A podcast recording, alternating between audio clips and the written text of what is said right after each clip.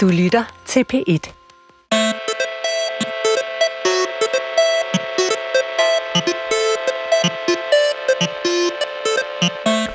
Det er grinagtigt svært at være en voksen mand. I hvert fald ifølge stand-up-komikeren Thomas Warberg, der i sit nye one-man-show tegner et lattervækkende billede af de maskuline skærmysler, der følger med at nærme sig de 40, være blevet far og gøre op med mandens nedarvede traumer. Varbergs show, Du har det ikke fra mig, er komik om det mandlige sinds afgrundsdybe mørke, tilsat jokes om tyndskid, rejsningsbesvær og vimmelse ved en bristet vagina. Men forbliver mænds følelsesliv virkelig for evigt på barnestadiet? Hvordan træder man ind i et ansvarsbevidst voksenliv, hvis generationer af rollemodeller har drukket sig ihjel? Og er Thomas Warbergs veloplagte slapstick et udtryk for stand-up anno 2024, eller et levn fra en tid, hvor kønsstereotyperne var mejslet i granit? Anmelderne har været på Blågårds Teater i København og set Du har det ikke fra mig, som de kommende 4,5 måneder er på turné i hele kongeriget. Velkommen til. Jeg hedder Mathias Hammer. Og nu kan jeg byde øh, velkommen til jer to i studiet, Rikke Rottensten og Henrik Tinglef. Rikke, museumsinspektør på Storm Museum for Humor og Satire ved Frederiksberg Museerne, og så har du en fortid som teateranmelder. Jeg vil indledningsvis spørge dig, som kvinde, københavner, et par årtier ældre end Thomas Warbergs 38 år, føler du dig inden for målgruppen for Du har det ikke fra mig showet? Nej, ikke rigtigt. Det må jeg sige. Det gør jeg faktisk ikke. Men, men kan du alligevel finde komiske kvaliteter ved Det kan jeg sagtens, men øh, det er ikke lavet til mig, det kan jeg godt mærke. Også velkommen til dig, Henrik Tinglef, psykolog, adfærdsekspert, foredragsholder, podcastvært, mand, omtrent i samme generation som øh, Thomas Warberg. Kan du genkende showets beskrivelse af den 38-årige mand som en ufrivillig komisk stakkel? Voldsomt skræmmende, rammende, frustrerende. Øh, ja, jeg er midt i målgruppen, jeg er ramt, og jeg var også underholdt. Alt det skal vi tale meget mere om. Og for at øh, lytterne også lige er med på, hvad vi taler om, så kommer her en lille præsentation af Thomas Warbergs show. Du har det ikke fra mig.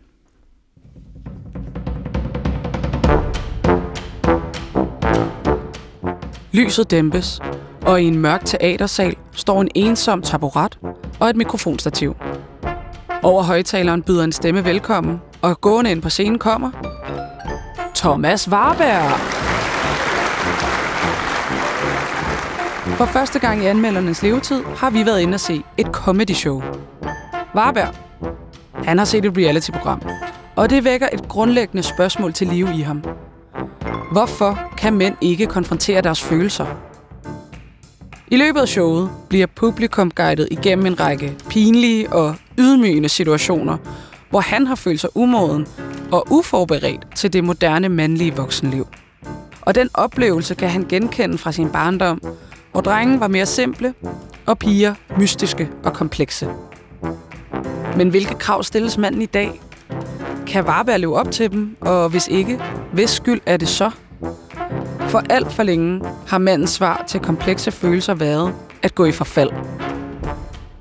I sit show, Du har det ikke fra mig, udforsker Thomas Warberg forfædrenes betydning og kønnenes heteronormative opdeling med grimasser, vilde fakter og jokes på jokes på jokes. Ja, en øh, lille genfortælling af tematikkerne i Du har det ikke fra mig, og jeg synes, vi skal begynde den her anmeldelse med at tale om det, som øh, jeg har valgt at kalde for mandebarnet. Altså, vi har her en voksen mand, Thomas Warberg, 38 år, nybagt far, der gennem showet må erkende, at øh, han har et ånds- og et følelsesliv, som stadig befinder sig på, på barne- eller pubertetstadiet. Og det er jo ret sjovt at joke med.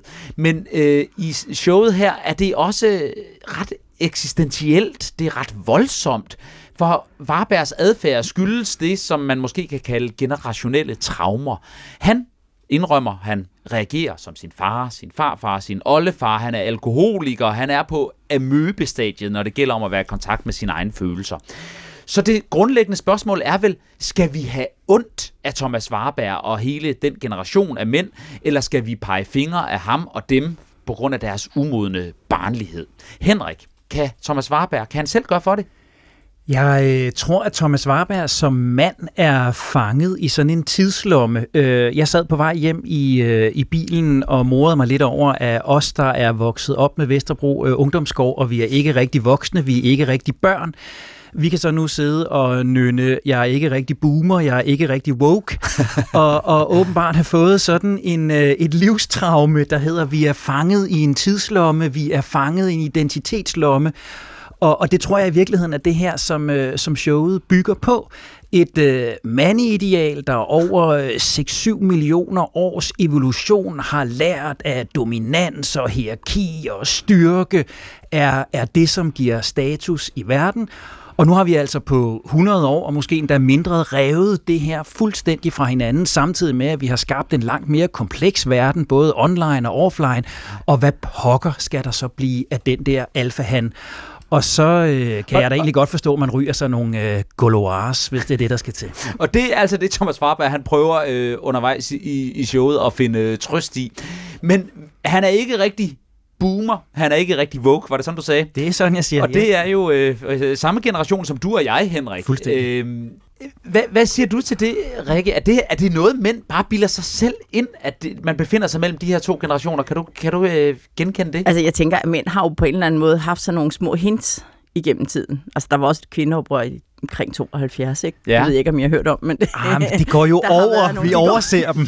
det er måske det, der er problemet, ja. At det, det går jo ikke altid over, fordi der er jo sket noget ting. Men, men bortset fra det, så vil jeg så sige ja, at uh, Thomas Warbergs show er faktisk lidt, hvad skal man sige, ikke et resultat af, men det bærer præg af netop det her øh, skisma, den her skillevej, som manderollen nok står i i øjeblikket, og hvor han er, er en, på den måde jo en ret god eksponent for, øh, hvad er problemet, eller hvad er det, hvordan skal jeg gøre, hvad er det, jeg ikke kan finde ud af.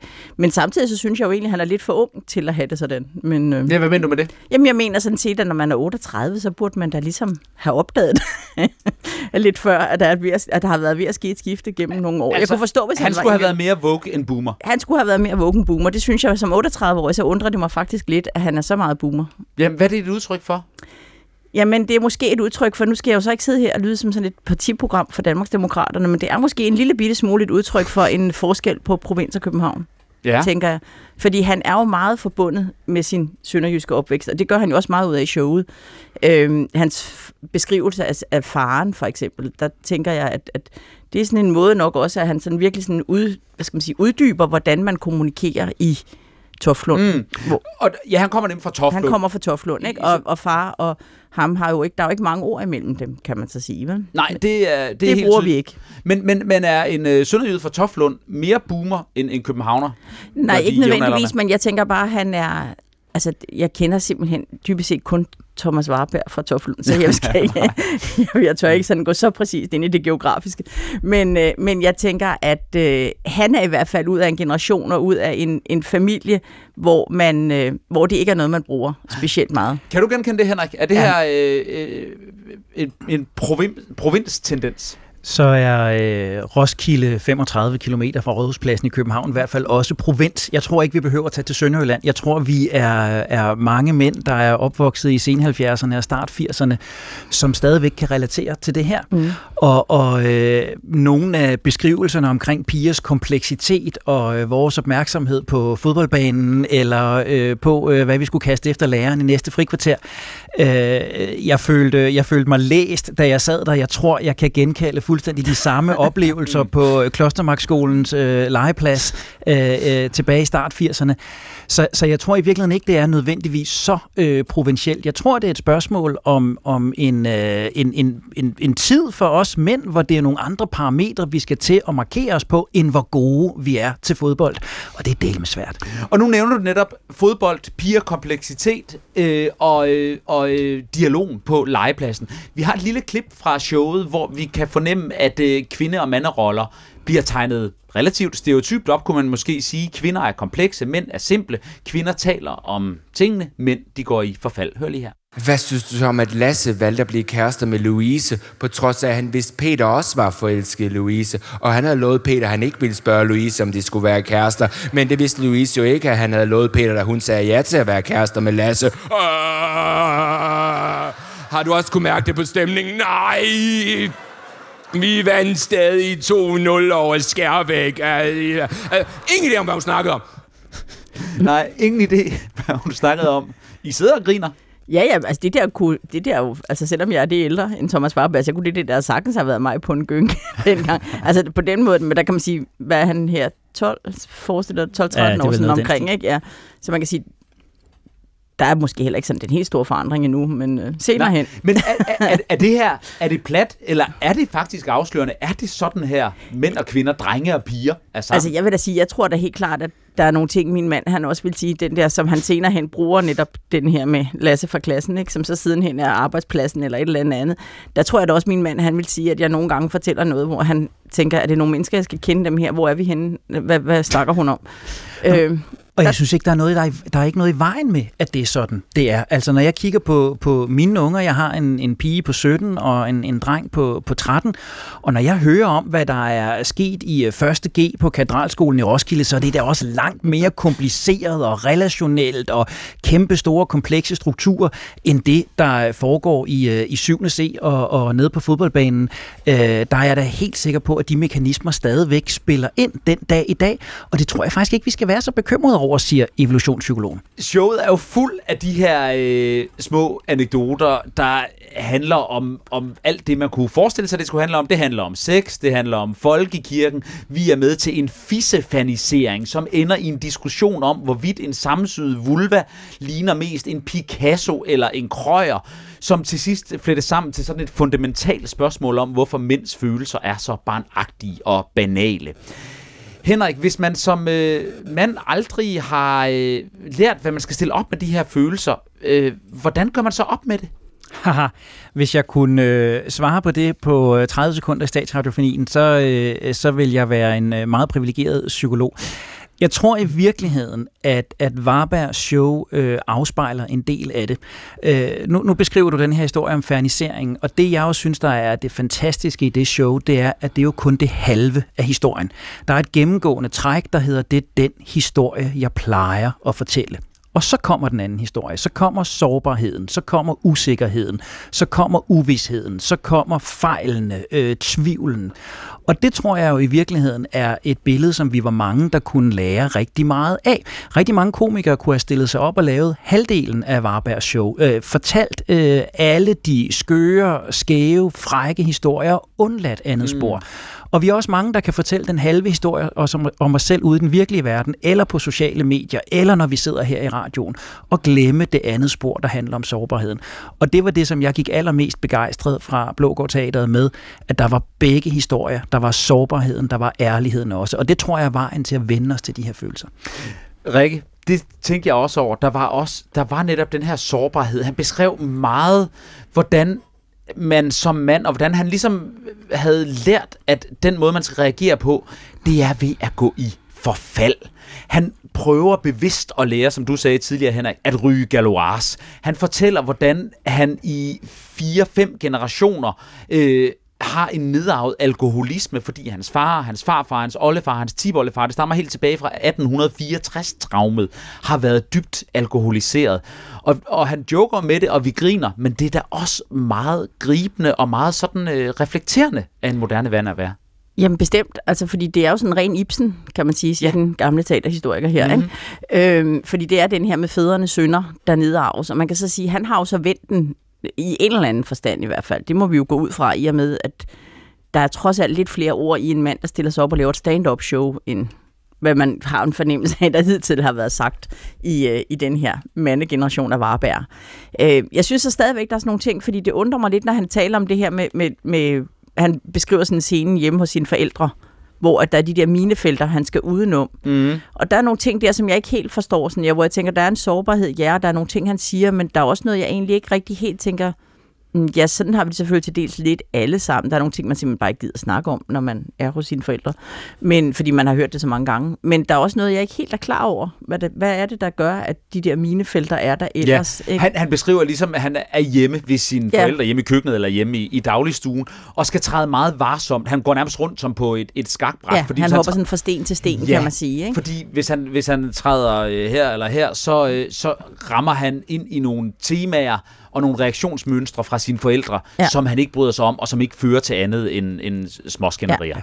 Ja. Så man kan sige, der er et eller andet sådan omkring det der forældre tænker, det er så der, hvor han selvfølgelig går ind og siger, bliver han også sådan en far, som hans søn ikke gider være sammen med sidst. Ja. Og der kan jeg bare sige, ja, det gør han, fordi det gør fædre på en og mødre, og det er ligesom forældre til? Gør de det? Ja, nej, det vil jeg da lige kaste over til, til psykologen. Vi har alle sammen en fase, hvor vi ikke rigtig overgår det. Men jeg synes i virkeligheden, den scene der, øh, øh, kunne jeg rigtig godt lide, fordi den jo på mange måder, for mig i hvert fald afspejlede denne her øh, tidslomme, den her væren fanget mellem, i virkeligheden lidt godt at kunne følge nogle af de argumenter, som jeg godt vidste, der ville ske, hvis jeg trådte på den her sten, men samtidig vide, at det ville være meget, meget forkert over for min måske lidt mere woke kæreste, som gerne vil høre noget andet. Og det der minefelt at træde rundt imellem, det jeg godt lidt kan se begge sider af, men faktisk ikke rigtig ved, hvad jeg egentlig mener om. Øh, sådan kan det også godt lidt være at være en middelalderne hvid mand, og være lidt bange for, at jeg lige om lidt får sagt noget, som er helt øh, off-grid. Det skal nok Så gå, kan jeg Henrik. mærke, at jeg er den hvide, lidt mere woke kæreste der. Vi kan blive et smukt par. Øh, Ja, lad os uh, se, hvad reaktionerne bliver, og hvad vi får sagt. Jeg kunne godt tænke mig at uh, sige, eller tænke mig at spørge, hvem er målgruppen? Hvem er det her show til? Jeg er omtrent jævnaldrende med Thomas Warberg. Jeg er også en heteroseksuel mand. Jeg har også børn. Jeg kommer også fra provinsen.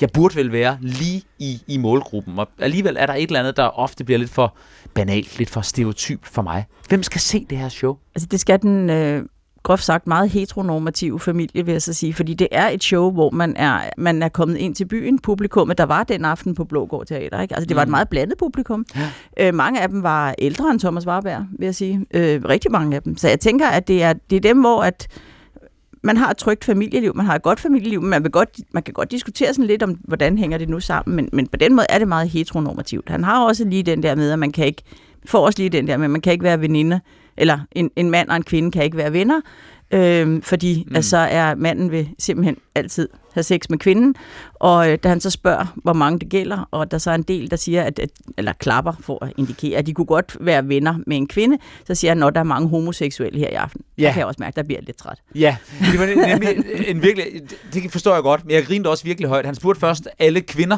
hvor mange kvinder herinde vil være ven med en mand, uden at have sex med ham, og folk, øh, kvinderne, de klapper. Og så gør han det samme med mændene, og så er der selvfølgelig mænd, der klapper. De vil gerne være venner med kvinder, uden at have lyst til sex med dem. Og så siger han, Nå, der er godt nok mange homoseksuelle mænd. Ja, blev du også lidt træt der? Følte du dig også uden for målgruppen der? Nej, altså Rikke har jo lige beskrevet mig jo, så, så, øh, så jeg må jo være, jeg må jo være i, øh, i målgruppen, siger jeg med et glimt i øjet. Jeg var, jeg var godt underholdt, og jeg, og jeg synes i virkeligheden, for at gentage min pointe fra før, jeg synes i virkeligheden, nogle af de her lidt skarpe pointer, nogle af de her lidt fordomsfulde pointer, fordi det er jo ikke bare cykeltyvene, der får en. Der er også til reality-tv, øh, der er også til andre samfundsklasser, der er kønnene imellem. Altså, der er rigtig mange, som ligger lige på kanten af, af der, hvor, hvor, hvor fordommene øh, vidderligt står i kø. Men netop fordi der kører de to spor, og der hele tiden er det den parallel, der hedder, det er den historie, jeg plejer at fortælle, så synes jeg i virkeligheden, han slipper rigtig, rigtig godt af med det, og der er en charme, og der er et ansigtsudtryk, og vi er altså til comedy. Vi, ja. vi, er, vi er ikke til, til øh, på den måde finkultur her. Vi er til et godt grin, og grinet ligger i overraskelsen, grinet ligger i forarvelsen, grinet øh, ligger i sarkasmen, og det synes jeg bliver balanceret smukt. Men grinet må vel også godt debattere, tænker jeg. Grinet må vel også godt, trods alt, fordi det er jo der, hvor Men- jeg kan men- blive lidt nervøs for stand-ups fremtid, Ja. hvis det er det. Men synes du ikke også, det gør det, Rikke? Jo, Synes du ikke også, det vækker debat, den her... Nej, øh, jeg synes ikke, den vækker debat, men jeg synes, han, øh, men, men det er fuldstændig rigtigt. Jeg synes, det er en fin øh, personfortælling, kan mm, man så Mhm, sige, mm. øh, og jeg synes, den er, den er bundet godt sammen, og han får lavet den der cirkel om det hele, øh, også i forhold til det her netop med, med generationerne og med det nedarvede, eller hvad skal man sige. Jeg, jeg kan bare ikke lade være med at tænke på, at da vi var derinde i fredag aften, der var forrygende stemning. Folk, de ja, Ja, skraldgrinede. Det var et meget veloplagt show, og som øh, du ganske rigtigt siger, Rikke, så havde jeg også fornemmelsen af, at gennemsnitsalderen var ret høj. Mm. Øhm, og jeg tænkte på, hvis man nu var 27 år og var øh, homoseksuel og meget vogue, så er det ikke sikkert, man synes, det Nej, var så, så, sjovt. tror jeg sådan set ikke, man havde synes, det var så sjovt. Nej. Men det er lige så meget, ikke fordi man nødvendigvis var blevet fornærmet, mest bare fordi, at det var sådan, altså det, det var lidt sådan, jeg også havde det, den der ting, mm, er vi ikke kommet bare lidt videre end det her, trods alt. Ikke? Ja. Altså, og der tænker jeg, at showet måske er, hvad skal man sige, et, et øh, at det er sådan lidt et udtryk for, at man står på en skilevej. Altså, hvor skal stand-up hen herfra? Ikke? Mm. Noget af det, der imponerede mig rigtig meget. Jeg har aldrig været til Thomas Warbergs show før, men det er, altså jeg bøjer mig i støvet over hans komiske talent, hans, hans øh, stand-up evner nede på scenen, han er ekstremt tjekket, det er velforberedt. Jokesene falder som perler på en snor, der er ingen svinggerner, der er ikke øh, nogen forglemmelser. Jeg, jeg synes virkelig, det var øh, professionelt øh, leveret. Har I oplevet Thomas Warbergs show tidligere? I, øh, i brudstykker, øh, ja. ja øh, og, og, og, og Varberg er jo bare en dygtig håndværker. Mm. En, en super, super dygtig håndværker. Mm. Og, og øh, fra det her show øh, gik jeg derfra med, med nok en oplevelse af, at den bedste brug af callbacks. Øh, jeg har set øh, tilbagevendinger til tidligere mm. pointer, genindvævning af tidligere pointer. Øh, enormt flot leveret. Ja, det var, virkelig, det var virkelig godt lavet, det vil jeg sige. Det var den der med at få det virkelig bundet, sådan så man hele tiden kommer tilbage. Lige meget hvor langt ud af en sidevej, man tænker, han er ved at inde, og man egentlig har glemt, hvor det var, han kom fra så kommer han tilbage til den, og så gud, nå ja, det kan jeg godt se. Ja. Øh, altså han er jo gammel, i gamle dage var han jo sådan en one-liner-mand. Han var sådan punchlines. Øh, og det, øh, derfor kan man også sige, at han har jo også virkelig flyttet sig sindssygt meget som komiker. Og det skal man også have stor respekt for, vil jeg sige. Fordi det er der egentlig ikke nødvendigvis altid så mange, der kan flytte sig fra det næsten helt ene type form for komik til en helt anden form for komik. Ikke? Øh, det var fantastisk den måde, han bandt uh, historien sammen, som I siger, ja. med de her callbacks. Altså Alexander og Tejs konens eller ja. kærestens ekskærester, som bare bliver ved med at vende tilbage ja. i den her historie, samtidig med en fortælling om at have spist øh, fordærvede muslinger, som man har fået rigtig dårlig mave. Mm. Virtuost. Hvis du er til øh, komik om nybagte fædre, hvis du er til stereotype manderoller eller til Vogue-generationens sjovfelklodsede storebrødre, så øh, skal du spidse ører nu, fordi det er tid til anbefalinger. Tre styks, en fra os hver. Og Henrik Tinglef, jeg kunne godt tænke mig at begynde med en anbefaling fra dig. Men nu hopper jeg i med begge ben. Nu er jeg jo ligesom blevet uh, typecastet i løbet af samtalen her, og jeg er mig pinligt bevidst om, at jeg sidder på Statradiofoniens uh, program 1 i øjeblikket. Men uh, jeg vil anbefale lytterne at hoppe ned i Østkysthostlets tekstunivers. Ja. Øh, der er jo ingen, der er så kikset cool som øh, Jazzy og Bossy, og, og særligt de seneste udgivelser, hvor, hvor hostlerne jo er kommet godt op i årene, synes jeg har nogle paralleller til, til Varbergs univers. Øh, for eksempel sådan en, et, et nummer som det, der hedder 25 år senere, som jo rummer den, den famøse linje, der hedder, hedder en vintage cool kid semi-kendt analog type 2 diabetes patient. Og det øh, synes jeg jo på mange måder afspejler Varbergs showet. Så dyk ned i de seneste hostlerudgivelser. Fantastisk. Tak, Henrik. Rikke Rottensten, en øh, anbefaling fra dig? Jamen, øh, jeg vil faktisk blive i øh, en mand, der er nogenlunde på alder med, med Thomas Warberg. Han er et par år yngre. Øh, det er øh, Sebastian, som driver øh, kontoen, meme-kontoen Herlige Svend ja. på Instagram. Øh, og Herlige Svend, som det er virkelig svært for mig ikke bare hele tiden at kalde ham, ja. øh, der ligger vi faktisk i det samme, fordi øh, der er et barn på vej i øh, det parforhold. Han har en kæreste, som han altid kalder hemmelig Ditte.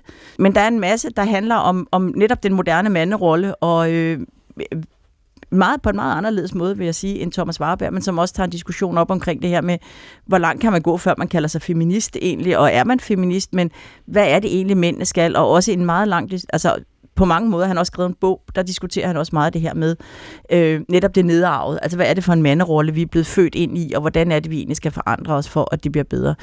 Herlige Svend, meme-kontoen på Instagram. Instagram. Yes, tak for det, Rikke.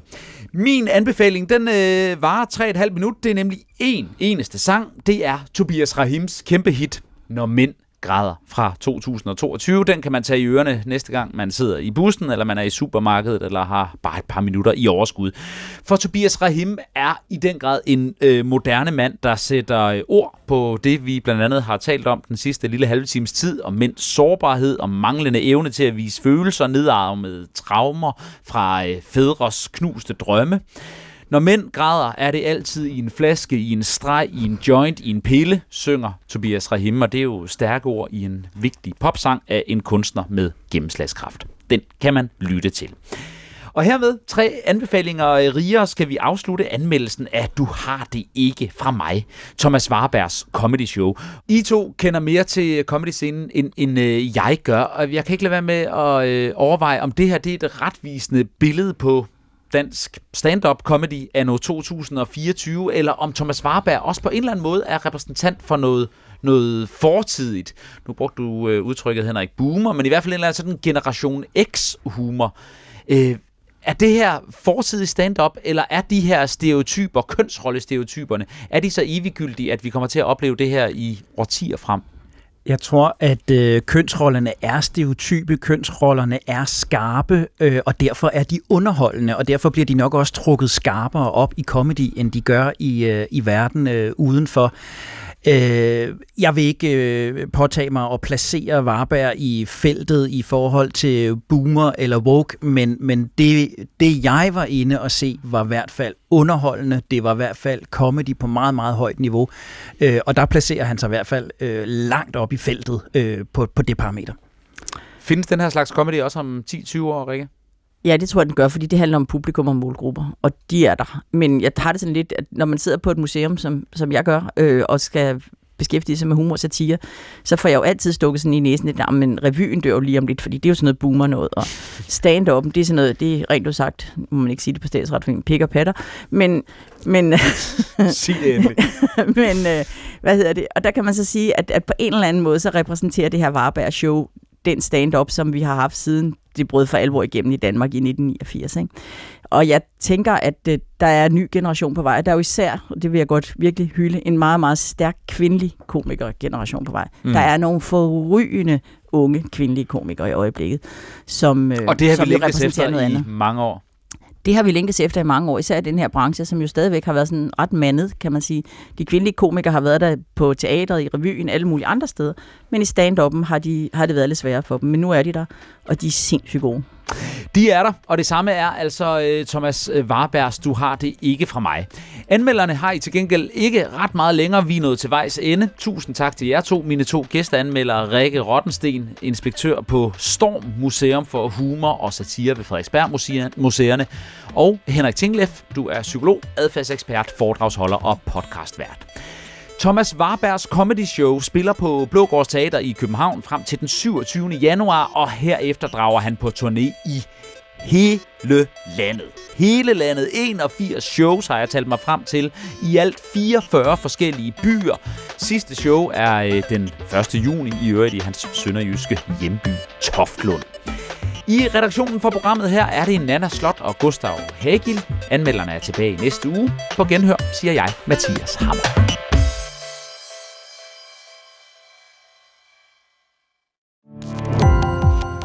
Gå på opdagelse i alle DR's podcast og radioprogrammer. I appen DR Lyd.